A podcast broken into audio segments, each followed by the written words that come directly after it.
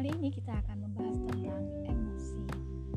Wah, mendengar kata emosi langsung terbayang ya amarah sesaat. Ya, emosi memang membuat seseorang bisa jadi hilang karena mungkin kaget atau terkejut melihat sesuatu yang tidak sesuai dengan pandangannya.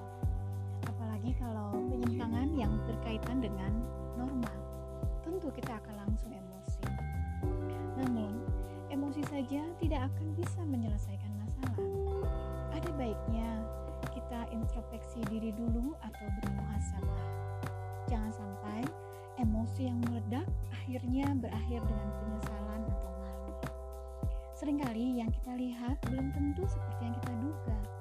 Ada sebab akibat yang melatar belakangi dan itu harus selalu di cross check lagi. Seandainya pun memang salah, cara mengingatkan yang lebih bijak. Bisa dengan dialog ataupun bicara dari hati ke hati. Sahabatku yang baik, sebisa mungkin kita hindari emosi. Selain membuang energi, belum tentu ada perubahan sikap dari pihak yang terkait atau malah mungkin melukai perasaannya. Emosi tetap kita perlukan karena bagaimanapun kita adalah manusia biasa yang punya perasaan. Tapi, kalau terlalu sering emosi juga diri kita sendiri.